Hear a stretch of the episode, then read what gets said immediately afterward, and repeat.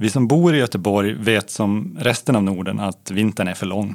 För att inte säga mörk. Och så lägger vi på oxveckor om pandemi på det. Mm, så är humöret allt annat än på topp.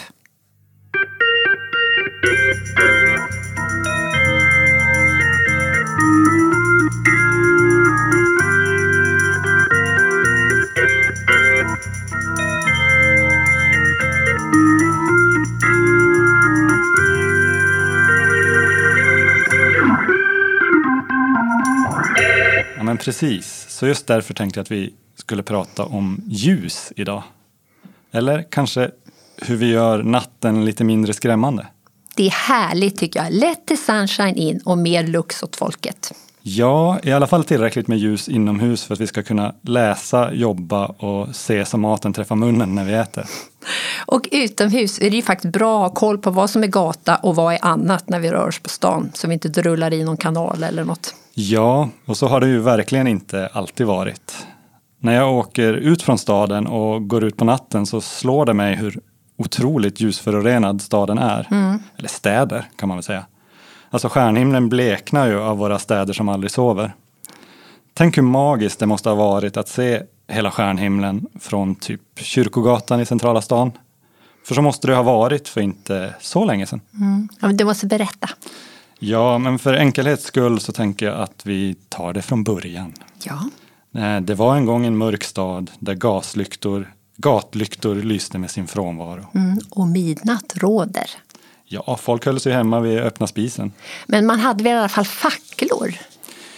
Ja, som användes utomhus när det behövdes. Och en och annan handburen lykta fanns ju också. Inomhus använde fattigt folk pärtor, eller lysstickor som de också kallades. Och så talgljus förstås. Pärtor är ett väldigt kul ord får jag säga. Och det här med stöpta ljus, det använder vi ju fortfarande. Jag menar, svenskt mys kräver stearin. ja, men stearin är en fransk uppfinning som kom först 1825. Mm. En annan kul info är att i Göteborg och i säkert andra ställen så var det ofta slaktare som stöpte de här talgljusen jag berättade om tidigare. Har aldrig hört faktiskt, vad kul. Men vaxljus fanns väl också? Mm, men bara hos de förmögna. Okay. Det var väldigt exklusivt. Mm. Men förutom stöpta ljus och pärtor så har vi ju haft oljelampor. Mm. Det är en teknik som är väl gammal som gatan. Jag menar än idag så finns det ju fotogenlampor till exempel. Olja i en behållare och sen veke som man tänder så har man fixat lite ljus. Precis, men före vi började med petroleum på längden och tvären så, så fanns annan lysolja. Har du hört om rovolja från raps och ryps? Rovolja? Nej, det har jag inte. Men här på västkusten när sill gick till, då använde de ju silltran. Mm. Alltså i Bohuslän så fanns i slutet av 1700-talet och början av 1800-talet fler än 500 trankokerier. Ja, rena guldruschen här på västkusten när man kunde koka tran ur fisklever.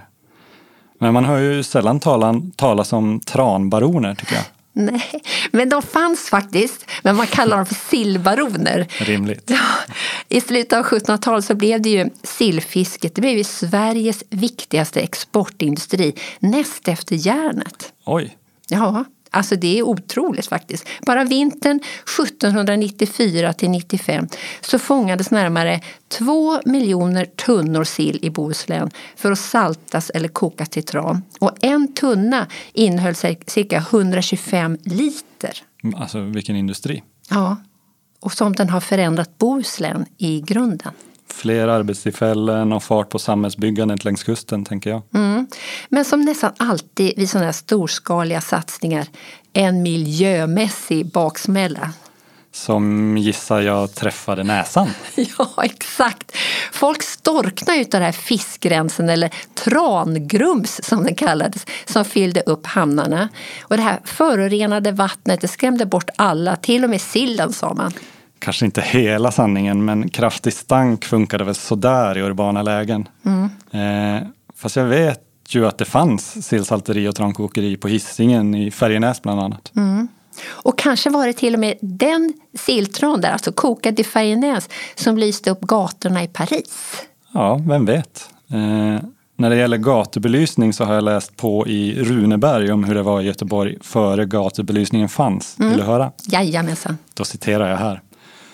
De många kanalerna vore utom stängsel, utan stängsel, stensättningen miserabel, vägarna liknade höstetid mera moras än planerade färdeleder. Och skyddade mörkret bedrev ogärningsmän och okynnigt folk med och utan värjor sitt fria spel. Och med och utan värjor. Han kan säga att han säljer ju inte in stan eller göteborgarna precis. Nej, i mörkret lurade tusen faror verkar det som. Mm. Det fanns ju en utbredd tro att i mörkret bodde det som var ont. Mm. Alltså, det här är något som går igen i alla tider, även i våran egen. Jag funderar lite på när var vi egentligen minst rädda för mörkret? Ja, kan man fundera på. Ja. Eh, men förr fanns ju en närmast biblisk syn på mörker som tillhåll liksom för fan hans mormor. Och då är det ju dags för mig att citera lite Ferlin tycker jag. Ja, kör. Det är den här Dagen är släckt, mörkret har väckt stjärnor och kattor och slinkor fyllda av skarn, slödder och flarn sova polishus och finkor. Wow, fint. Men inga muntra tongångar där heller. Nej. Men i Göteborg så bestämde i alla fall magistratet att oljelyktor skulle sättas upp vid Hamnkanalen och alla andra kanaler. Och så på så sätt sprida ljus under höst och vinter. Och även publika byggnader skulle lysas upp. Ja men övrigt då? Vad var med butikerna till exempel? Eh, alltså de sparade på belysningen och folk surnade faktiskt till. Men det tog ända till 1776 innan allmän belysning blev bestämt. Mm, Okej, okay, bra där. Ja, men det var bara den lilla detaljen att belysningen skulle bekostas av husägarna själva. Så det var väl lagom populärt. Mm, kanske inte. Men göteborgarna var i alla fall inte så missnöjda att de kopierade fransmännens användning av lyktstolpar. Vad tänker du på nu? Ja, men så här under franska revolutionen så myntade man ju uttrycket à la lanterne. Som var? Mot gatlyktan. Alltså ett slagord som innebar att folket skulle ta saken i egna händer. Mm -hmm. Alltså typ gula västar fast på 1700-talet. Mm, fast betydligt våldsammare skulle jag vilja säga. Eftersom det handlade om att lyncha ämbetsmän och aristokrater och hänga upp dem i lyktstolparna så att alla kunde se.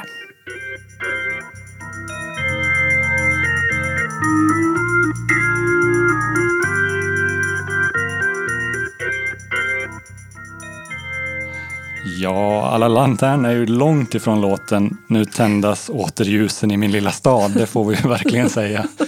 Ja, men det där romantiska som kan finnas med rätt slags gatubelysning, hänger det inte ihop lite med gasljus? Alltså det här som skapar den här speciella stämningen. Ja, jag fattar vad du menar. Eh, men också att det krävs ju att någon är där och tänder. Mm. Och nu menar du lyktgubbar? Ja, alltså inte något ur folktron utan en gubbe som sköter lyktorna mm. faktiskt. För det var ju ett jobb. Varje lykta måste tändas manuellt. Ah, vilket jobb! Ja. Eh, men något annat som var så här manuellt det var ju också anläggningsarbete med att gräva ner alla ledningar för att kunna förse staden med gas. Och faktiskt var ju Göteborg första staden i Sverige med att bygga alldeles ett eget gat gasverk då för gatubelysning. Se där. Det, mm. hade, det hade ju varit en del tester i England under tidigt 1800-tal. Tills man kom fram då till att stenkol gav bäst ljus. Men då... Mm. Säg hej till gaskraft och storskalig kolbrytning. Ja, alltså tänk om de hade hittat något mind med mindre klimatpåverkan. Ja, då hade allt sett annorlunda ut. Mm. Men det är ändå imponerande i det här hur snabbt ny teknik liksom kan kliva fram och etablera sig och bara ta över med sitt tada! Ja, jag instämmer. Och i Göteborg så verkar det ha varit tankar på säkerhet för egendom och person som ligger bakom införandet av gasbelysning. Mm, det här rädsla för tjuvar och banditer. Precis, då som nu. Mm. Eh, tydligen var stadens gator i ett så bedrövligt skick att ordningsmakten till och med hade svårt att fånga de här tjuvarna. Mm. Tur då att i Göteborg fanns driftiga invandrare och utländska bolag. Ja, nu får du berätta. Ja, men alltså kortversionen då. Först så lämnade den här skotten Alexander Keeler in ett förslag med de här som de styrande tyckte var för dyrt.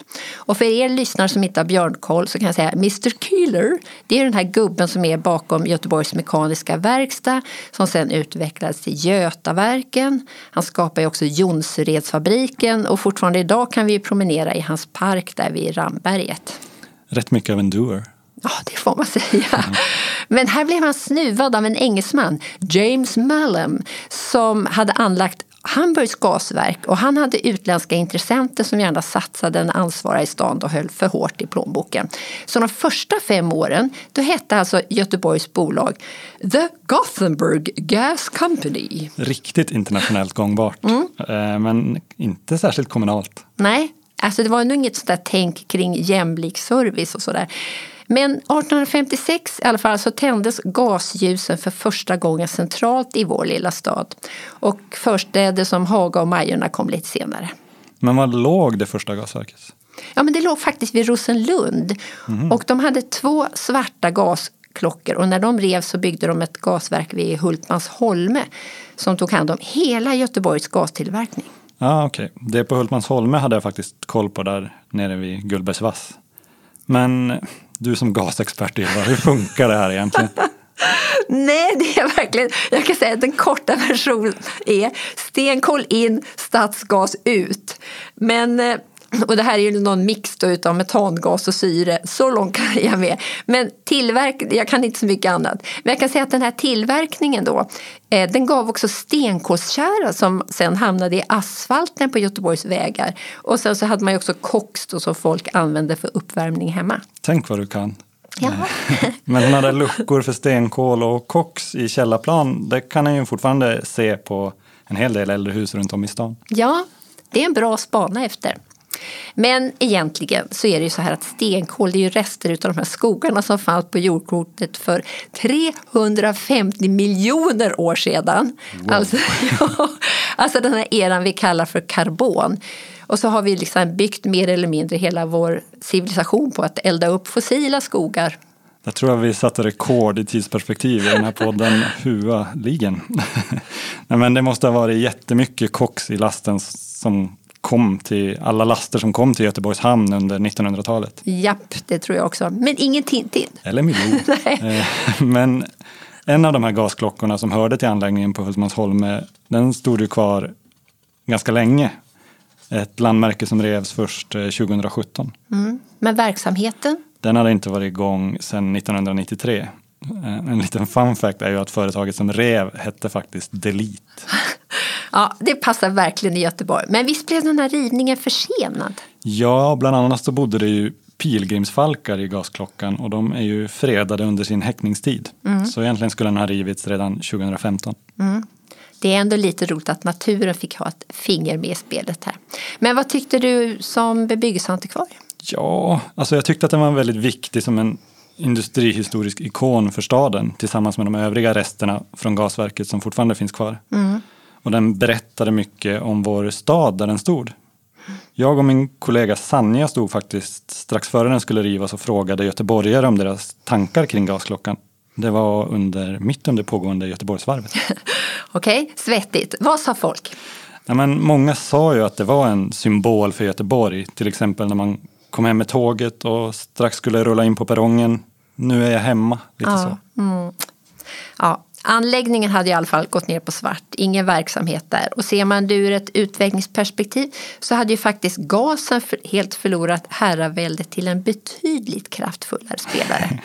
Ljusbringandets egen bolltrollare, elektriciteten. Exakt som sopade banan med gasljuset. Och in kommer el och lyser upp varenda skrymsle och vrå, utomhus såväl som inomhus. Och den första elektriska glödlampan i Göteborg tändes inte helt förvånande på Chalmers. Mm. Snilleblixtarnas hemvist. Ja, men el är ju då ingen bränsleform. Det är ju bara ett sätt egentligen att transportera och lagra energi. Och i början på 1900-talet så kommer kraften från generatorer i Trollhättan. Olidan där var svenska statens första vattenkraftsprojekt. Mm, som levererade el till både slott och stuga. Och källan bakom de här generatorerna är såklart Göta älv. som från Vänern till Göteborg hamn förde med sig mer vatten, eller fortfarande för med sig mer vatten än någon annan älv i Sverige. Det är respekt. Ja. Och så lägger vi till en fallhöjd på 44 meter. Mm. Eh, nej, men ett tips är att åka och besöka Olidan som blev byggnadsminnesförklarad 2004. Det är en rätt pampig anläggning. Mm, bra utflyktstips. Ja, och något annat som inte alla känner till är ju de här fina lyktstolparna som staden tog fram till eh, Göteborgs jubileum där 1923 mm. efter en tävling. Och som sedan kom att användas i alla nya stadsdelar fram till ungefär 1960. Och stolparnas motiv de hängde ihop med var de placerades i staden. Hade jag ingen aning om faktiskt. Nej, okej. Okay. ett tips är att hålla ögonen öppna när du går förbi en äldre lyktstolpe. Har den till exempel ett ax som motiv, då är du mest troligt bredvid gammal jordbruksmark. Inne i stan, stadsvapnet, inte så konstigt. Nära vattnet, marina motiv. Och i parker, kärleksguden Amor. Mm. Nej, men även om det här idag delvis har frångått så, så kan de här stolparna berätta mycket om platsen du är på. Mm. Men jag har faktiskt sett stolpar med sol och måne på. Just det, de här jubileumsstolparna kallades faktiskt först för sol och månestolpar. Mm. Man tror att just de stolparna är placerade efter vägar som ledde till och från jobbet för folk. Okej, okay. kul. Och en bra grej måste jag säga att låta utsmyckning variera beroende på vilket område det är.